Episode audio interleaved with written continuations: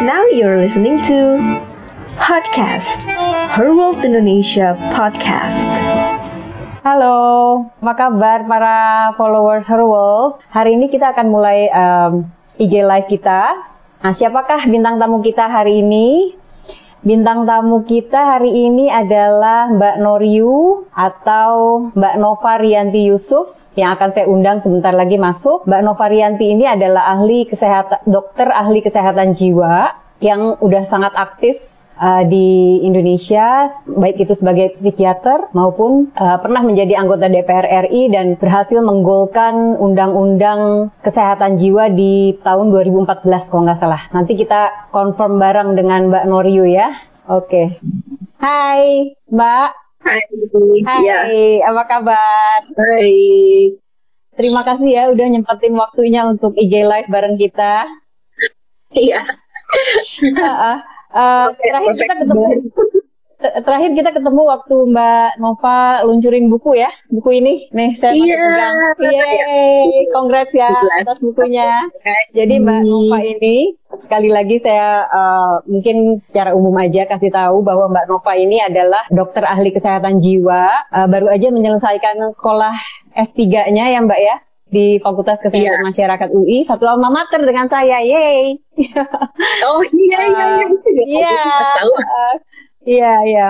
Uh, dan kali ini kita akan ngobrol tentang uh, bagaimana sih menyiasati gonjang-ganjingnya perasaan jiwa kita nih uh, dalam pandemi ini.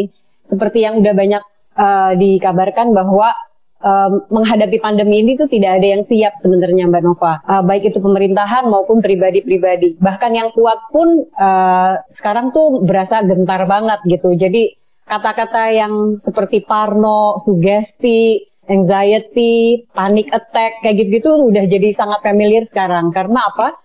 Karena beritanya makin lama makin makin uh, menghampiri kita secara gencar gitu. Mbak Nova nih sebagai dokter ahli kesehatan jiwa, bagaimana memandang hal ini Mbak supaya tidak berkelanjutan gitu? Atau mungkin pandangan umumnya dulu mengenai keadaan kita sekarang? Iya, uh, memang kemarin baru juga tuh aku uh, ngobrol waktu uh, di FB live-nya Pak yeah. Sandi Uno. Betul. Ya di situ um, aku menjelaskan gitu bahwa ini mungkin bencana non alam yang kita um, baru pertama kali alamin begitu ya mm-hmm. dan setiap uh, kemudian kan ada kebijakan dari pemerintah uh, uh, saya ingat mulai ada instruksi itu tanggal 15 Maret ya mm-hmm.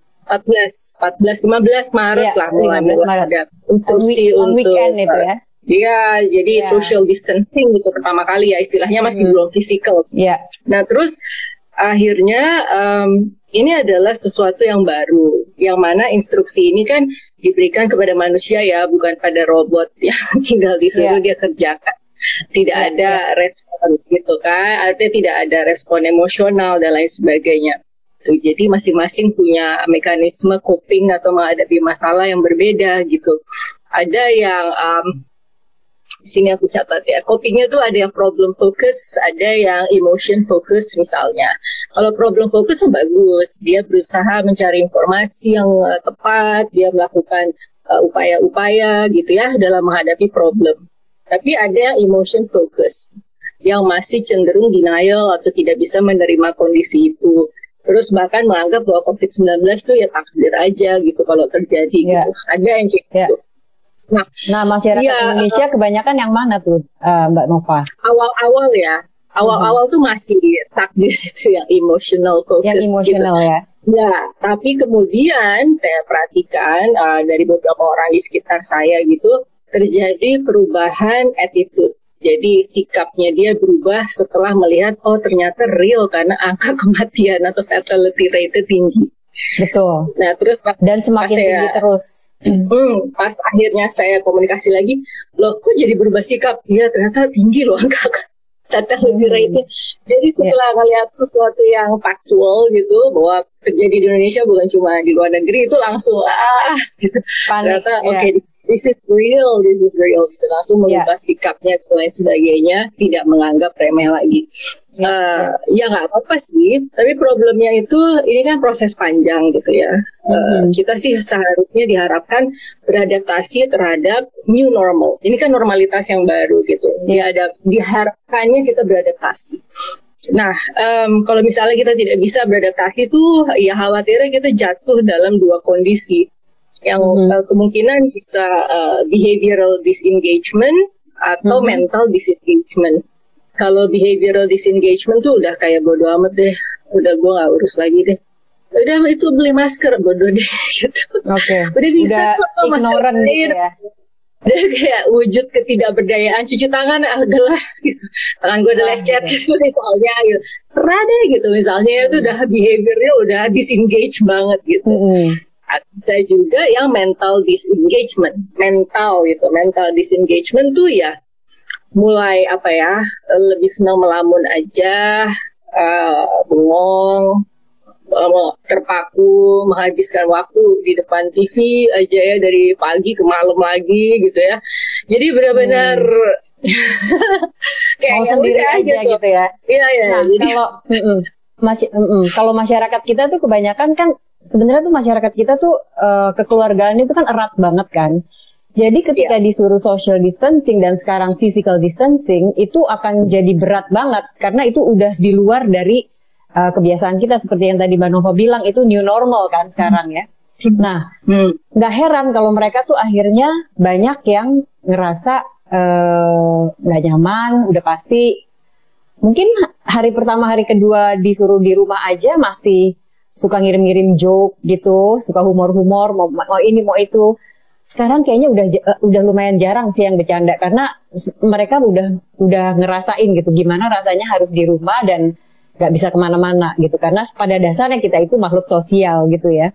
Nah, uh, ini dari dari segi kesehatan jiwa, uh, bagaimana mengatasi hal ini, Mbak Nova? Karena kita kita juga udah tahu bahwa kalau kita panik atau kalau kita suges atau kalau kita parno, kesehatan fisik kita juga bakalan turun gitu. Karena tubuh kita ini makannya nggak hanya vitamin dan makan makanan bergizi, tapi si otak kita dan perasaan kita juga harus dijaga supaya kita sehat mental dan fisik gitu.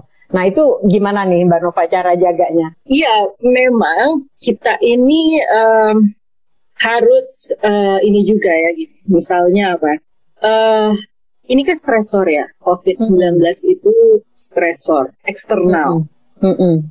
Nah, tubuh harus memberikan respon yang adaptif. Nah, Adaptif kalau ya. kita tidak bisa uh, beradaptasi, respon kita terus maladaptif terhadap situasi yang tidak menentu dan entah sampai kapan, Mm-mm. Akhirnya uh, dia bisa masuk dalam kondisi yang disebut gangguan penyesuaian misalnya. Gitu. Hmm. Jadi uh, bisa menjadi sebuah disorder gitu, gangguan karena ketidakmampuan untuk memanage uh, stresor yang uh, dihadapi. Harusnya kalau kita bertemu dengan stresor, uh, stresor psikososial itu harusnya enam bulan sudah uh, bisa adaptasi. Jadi kalau dia nggak bisa adaptasi ya dia akan menjadi sebuah disorder atau uh, gangguan yang wujudnya macam-macam bisa putus asa, bisa tidak bisa bekerja sama sekali, tidak bisa belajar dan lain sebagainya. Jadi Hmm. dysfunctional, jadi mengalami disfungsi dan lain sebagainya.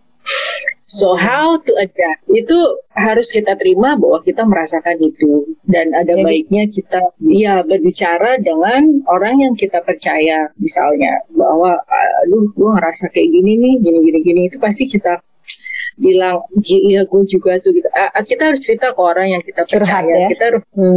ya itu kita harus accept bahwa kita merasa seperti itu itu proses yang sangat wajar dalam menghadapi itu Oke. Nah, kalau kita sudah lebih eh, apa menerima accepting eh, situasi eh, kondisi yang kita alami, bisa juga dengan ya meditasi atau dengan berdoa Ya. gitu kalau yang Islam Meditasi eh, ya.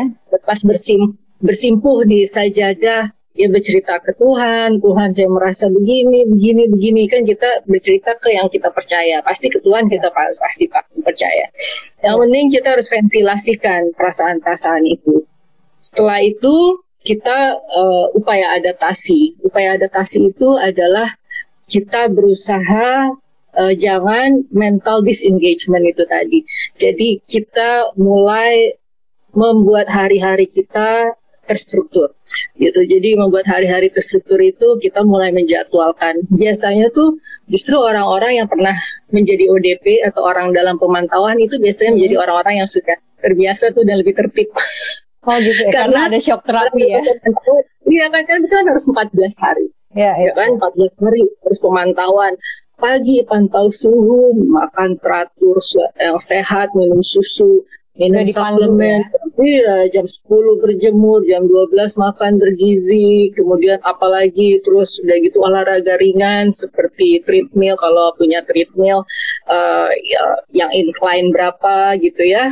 Uh, setelah hmm. itu tidur yang teratur gitu. Nah, itu kan mereka sudah tidur. mulai bisa menstruktur uh, lifestyle-nya dalam kondisi seperti itu. Itu ya. yang orang-orang uh, ini orang-orang yang uh, mengalami uh, pengalaman jadi ODP. Kalau yang bukan ODP juga boleh mengikuti. Jadi hari-hari yang struktur, terus um, fokusnya here and now. Oke. Okay. Fokus here, here and now. Fokus here. Jadi um, maksud saya adalah Well, ini kan uncertain, mm-hmm. gitu ya. Bencana ini uh, very un- uncertain. Mm-hmm. Kita tidak pernah tahu kapan kelar si virus ini mau apa, mau tiba-tiba hilang bisa.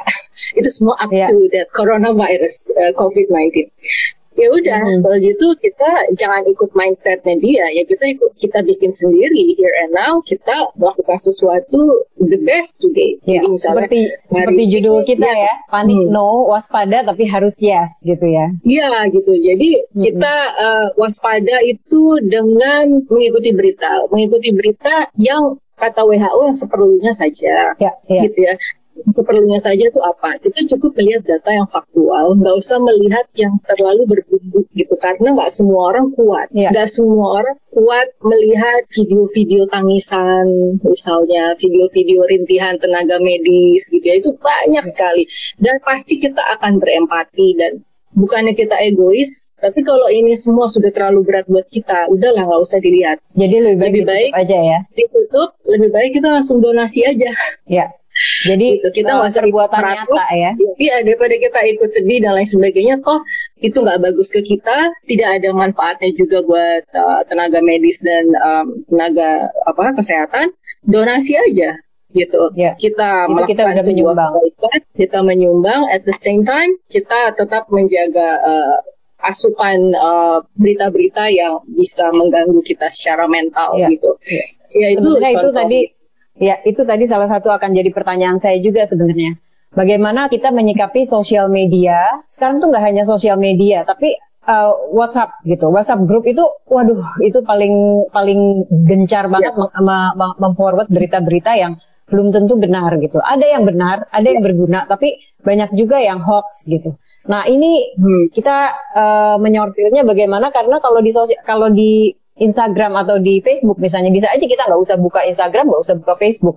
Tapi kalau WhatsApp WhatsApp itu kita setiap hari buka dan banyak sekali kerjaan apalagi zamannya WHO eh, WHO lagi zamannya uh, work from home seperti ini kita selalu harus buka WhatsApp gitu. Dan gimana ya itu ya? Jadi jangan dibuka uh, ya, ya sebenarnya ya.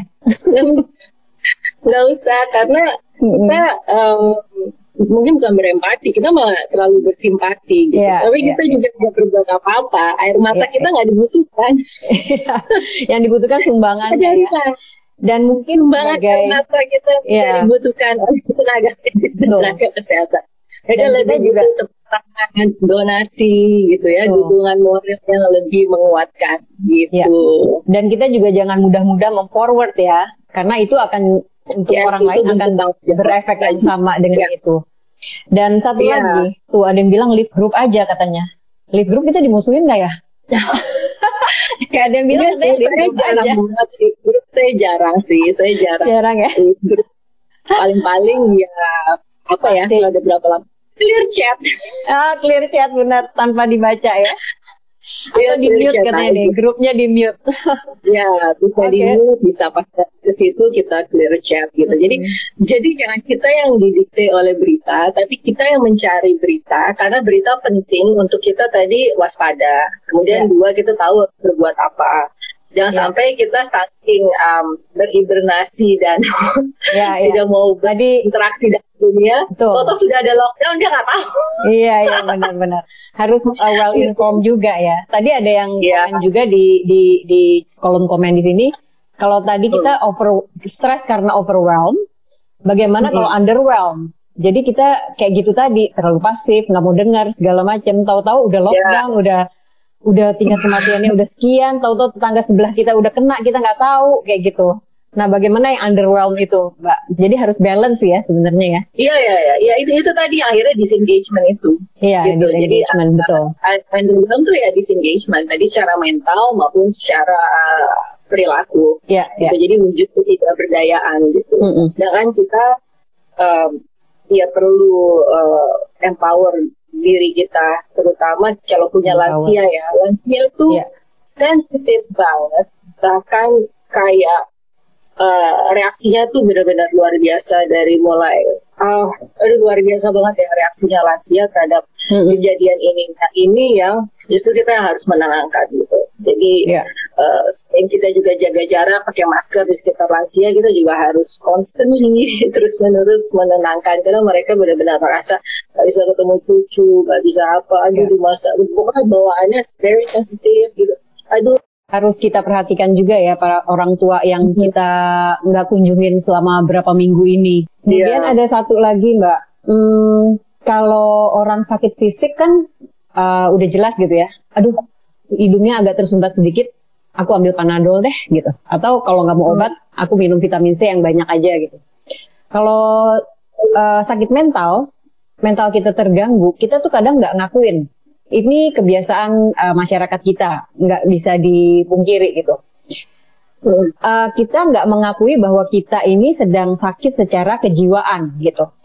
Nah Iya. ini uh, gimana Mbak Nova? Karena ini banyak juga sih yang terjadi di antara kita yang masih denial bahwa dia memerlukan pertolongan gitu. Apalagi dengan situasi yang seperti sekarang ini. ini sekarang em, lagi banyak banget pendampingan psikososial yang dilakukan oleh dokter-dokter jiwa dan psikolog. Oh. Em, di- di Instagram Instagram banyak Em, ada di PDSKJI Jaya itu yang saya ketuanya di DKI Jakarta. Apa namanya? Sorry, Ada yang- PD.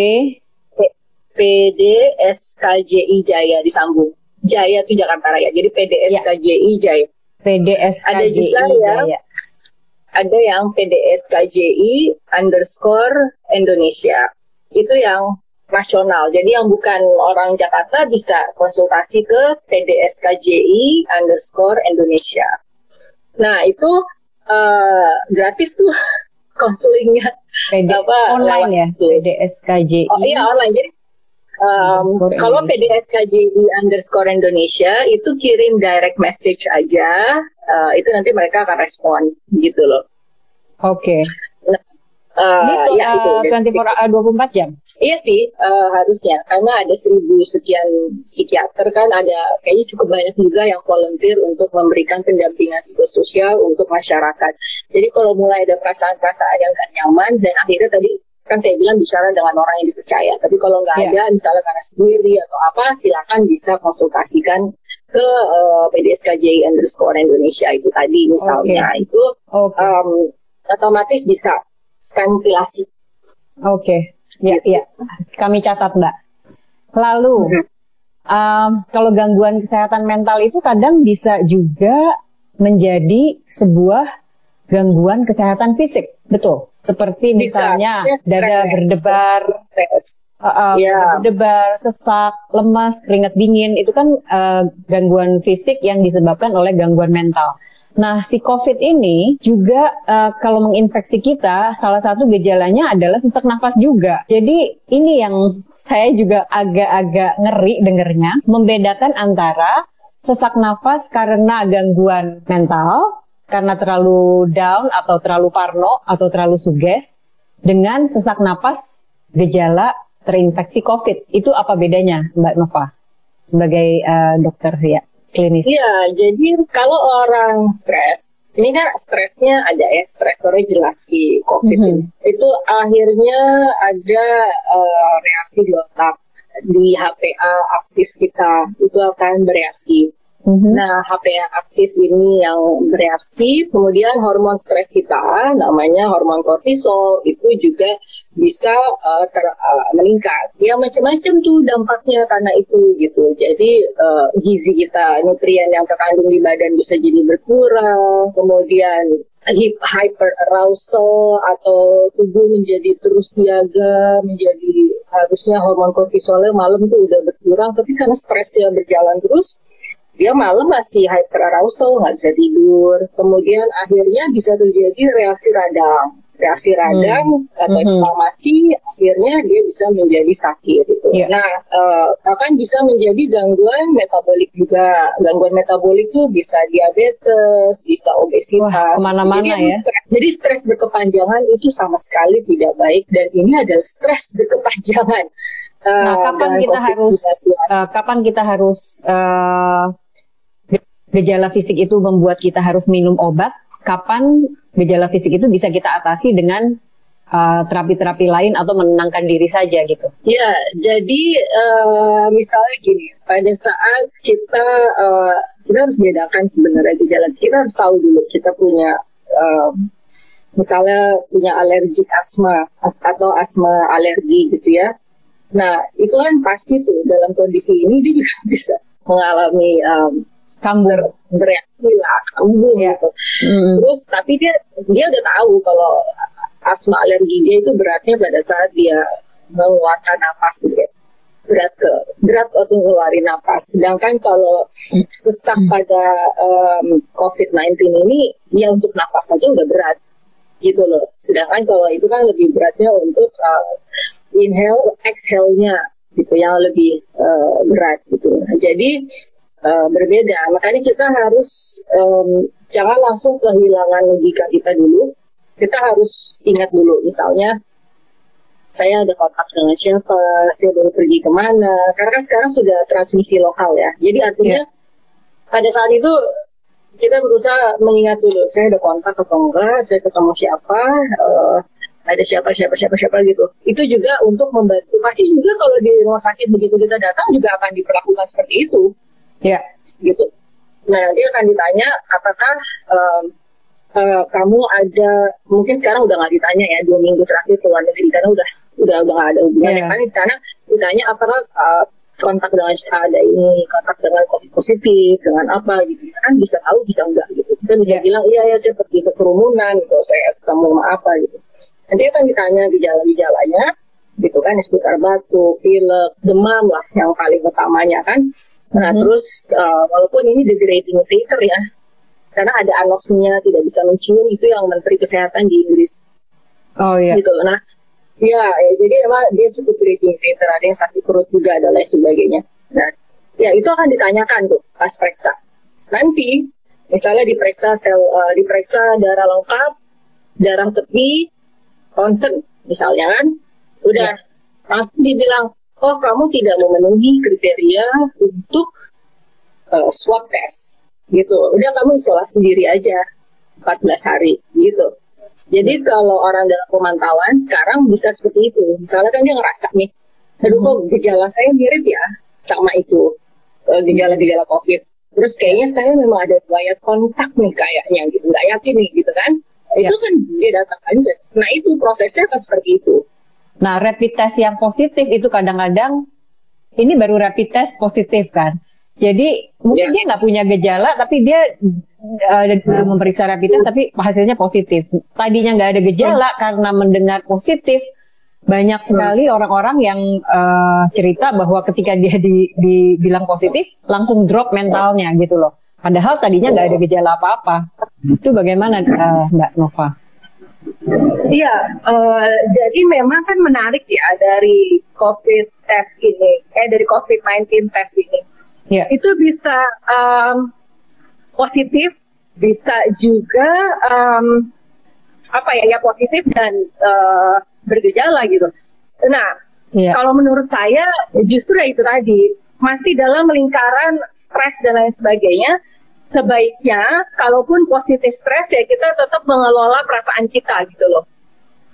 Jadi tetap yang harus ada manajemen stresnya. Ya. karena banyak sekali. Boleh dijelaskan nggak? Uh, uh, Iya iya iya. Biasanya gini, um, di rumah sakit. Manajemen stres itu seperti itu apa? Rumah sakit, gitu? rumah sakit.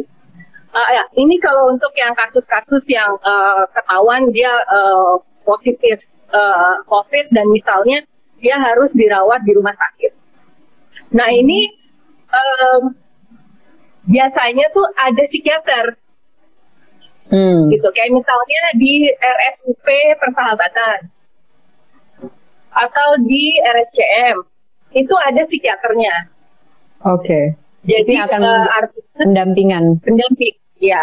Jadi bisa menjadi tim yang menangani uh, pasien dengan COVID tersebut. Betul. Okay. Jadi uh, kayak rumah sakit Duren Sawit. Mm -hmm. Itu sebenarnya rumah sakit umum, tetapi juga ada uh, psikiater-psikiaternya. Itu untuk yang di rumah sakit. Lain lagi kalau yang di rumah. Kalau yang um, isolasi diri itu biasanya segala perasaan berkecamuk ya, gitu yeah. pasti kayak yeah. sedih sendirian gitu atau yang kalau rumahnya juga. Iya karena nggak iya, jelas nantinya gimana ya, mm -mm, mm -mm. walaupun rumahnya uh, barengan sama yang lain dia kan tetap harus memisahkan diri iya iya gitu kan itu sedih banget pasti yeah. rasanya gitu yeah. kayak piringnya harus dipisah yeah. makannya sendiri kamarnya sendiri Betul. yang ventilasinya keluar kalaupun yeah. terpaksa keluar uh, harus sejauh mungkin dengan masker yang itu yeah. yang semua ketemu dia ketakutan gitu jadi hmm. bayangin emang uh, stresornya double lah gitu ya. Yeah. Udah positif atau misalnya uh, eh, ODP lah yang ada kontak mm -hmm. gitu. Itu pasti mm -hmm. uh, stresnya double. Oleh karena itu masyarakat kita jangan menstigma atau kita juga jangan merasa bahwa kita ini terstigma kalau kita ODP gitu atau kita positif COVID tuh jangan merasa terstigma deh uh, gitu karena ini mengenai siapa saja gitu. Yeah. Uh, batasannya hanya uh, jaga imunitas.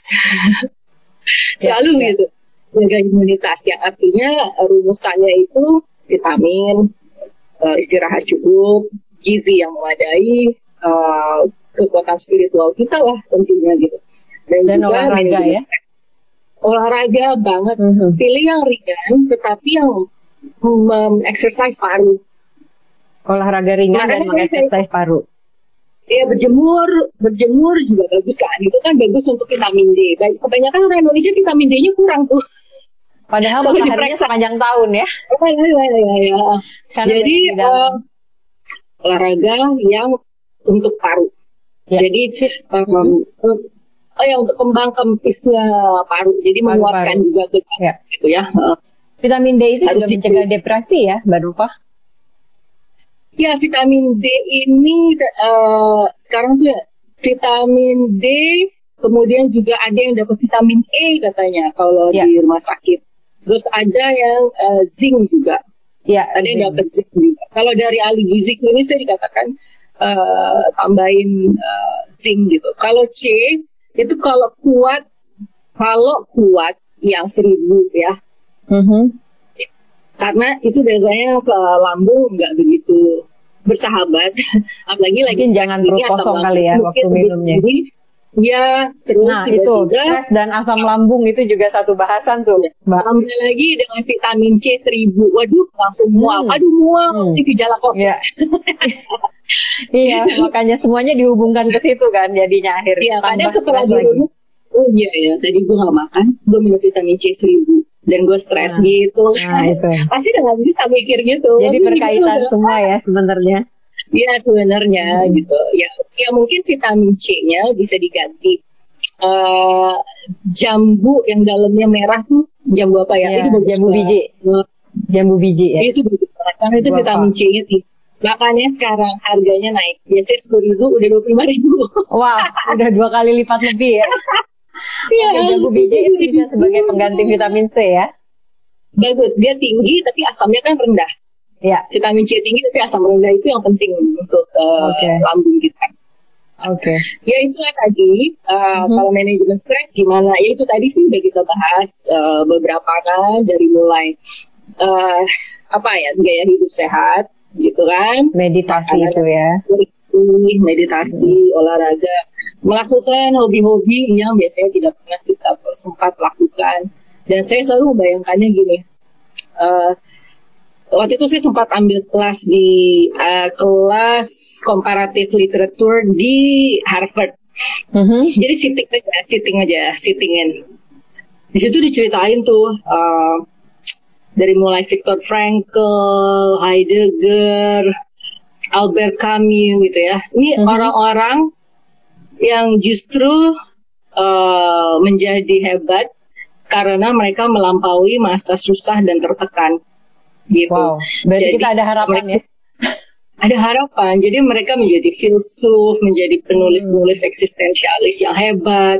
Justru um, karena mereka melampaui um, fase hidup yang tidak gampang dan mereka yes. seperti uh, eksis dari situ gitu. Jadi ya yes, ya kita semangat. ini sebenarnya generasi eksistensialis. Semangat, Kalau semangat. kita bisa mengambil uh, madunya dari ini gitu.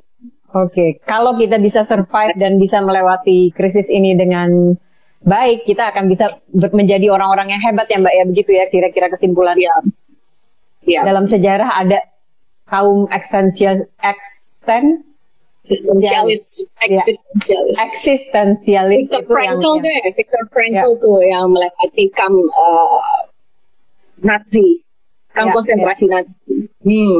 dia jadi orang yang sangat sukses Oke, okay. uh, iya. tadi uh, oh ya, aku mau tanya juga mengenai salah satu manajemen stres itu. Aku sering dengar grounding teknik. Bagaimana menurut Mbak Nova? Itu yang bisa kita lakukan juga kah?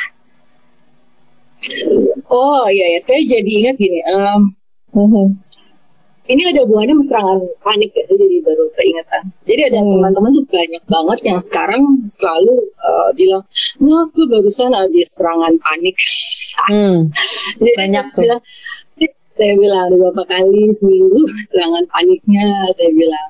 Hmm. Jadi um, serangan panik itu kan mirip-mirip serangan jantung rasanya, seperti mau yeah. mati dan lain sebagainya gitu kan. Yeah. Nah, sekarang dalam kondisi um, pandemi COVID 19 ini uh, juga disertai dengan yang namanya agorafobia. Jadi keluar rumah aja itu dia ada di tempat terbuka dia semakin cemas.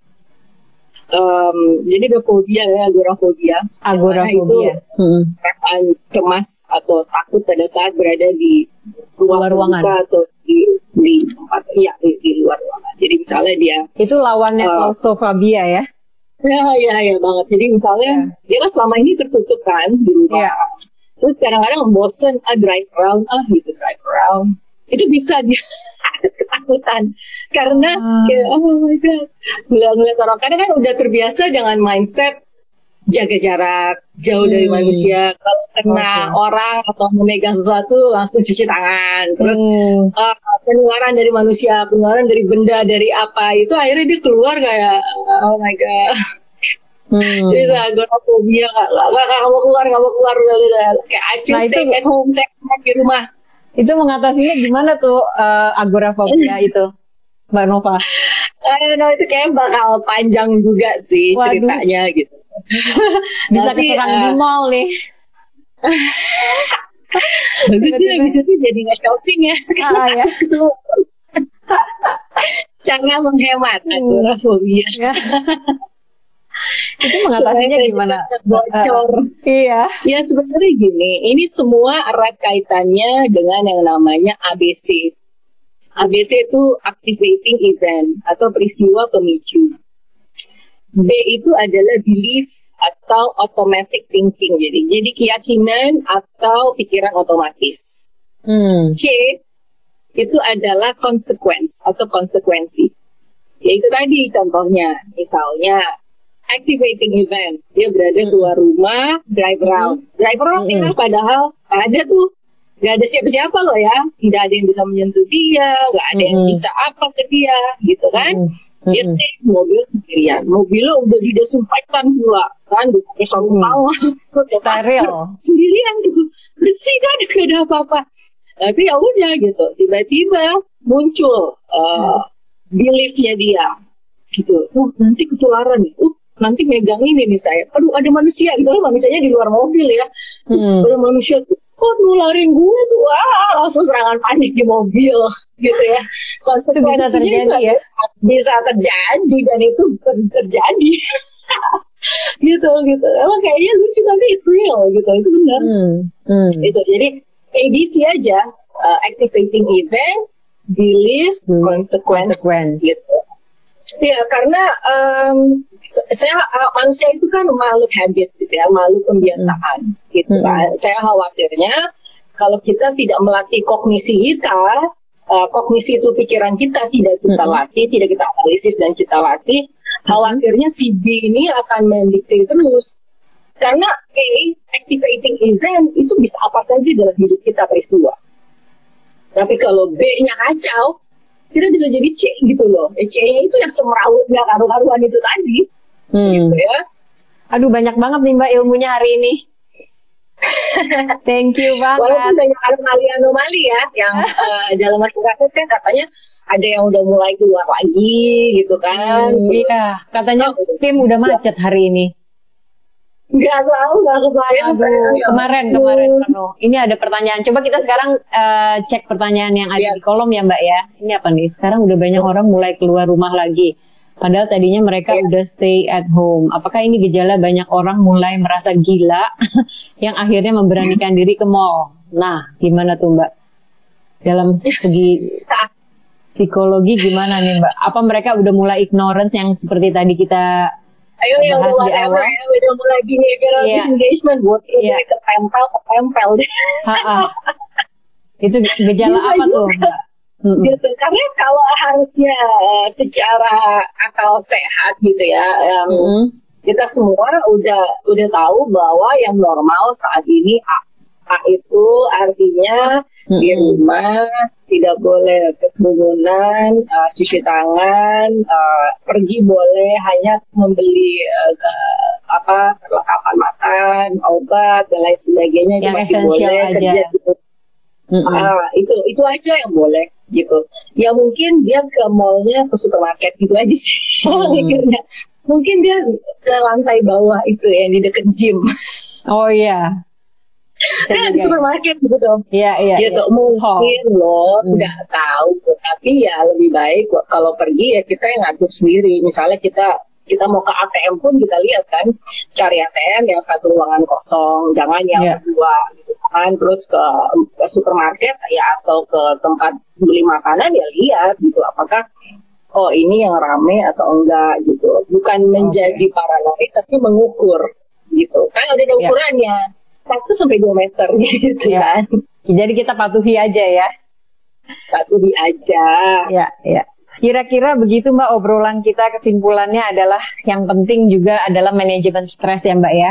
Bagaimana cara yeah. memanage uh, stres itu akan membuat kita uh, survive dan imunitas kita nggak turun karena kita menjaga mental kita sehat terus. Bagaimana manajemen stres itu seperti itu tadi uh, dengan juga dengan makanan sehat, dengan olahraga teratur, banyak kena matahari, tidur cukup dan uh, berpikir positif itu tadi ya Mbak ya, meditasi dan iya. lain-lain. Yeah. Curhat dengan teman itu juga jangan dipikir nggak penting, ini adalah penting karena juga adalah salah satu uh, rilis dari apa yang terlalu menekan pikiran kita gitu ya Mbak Nova.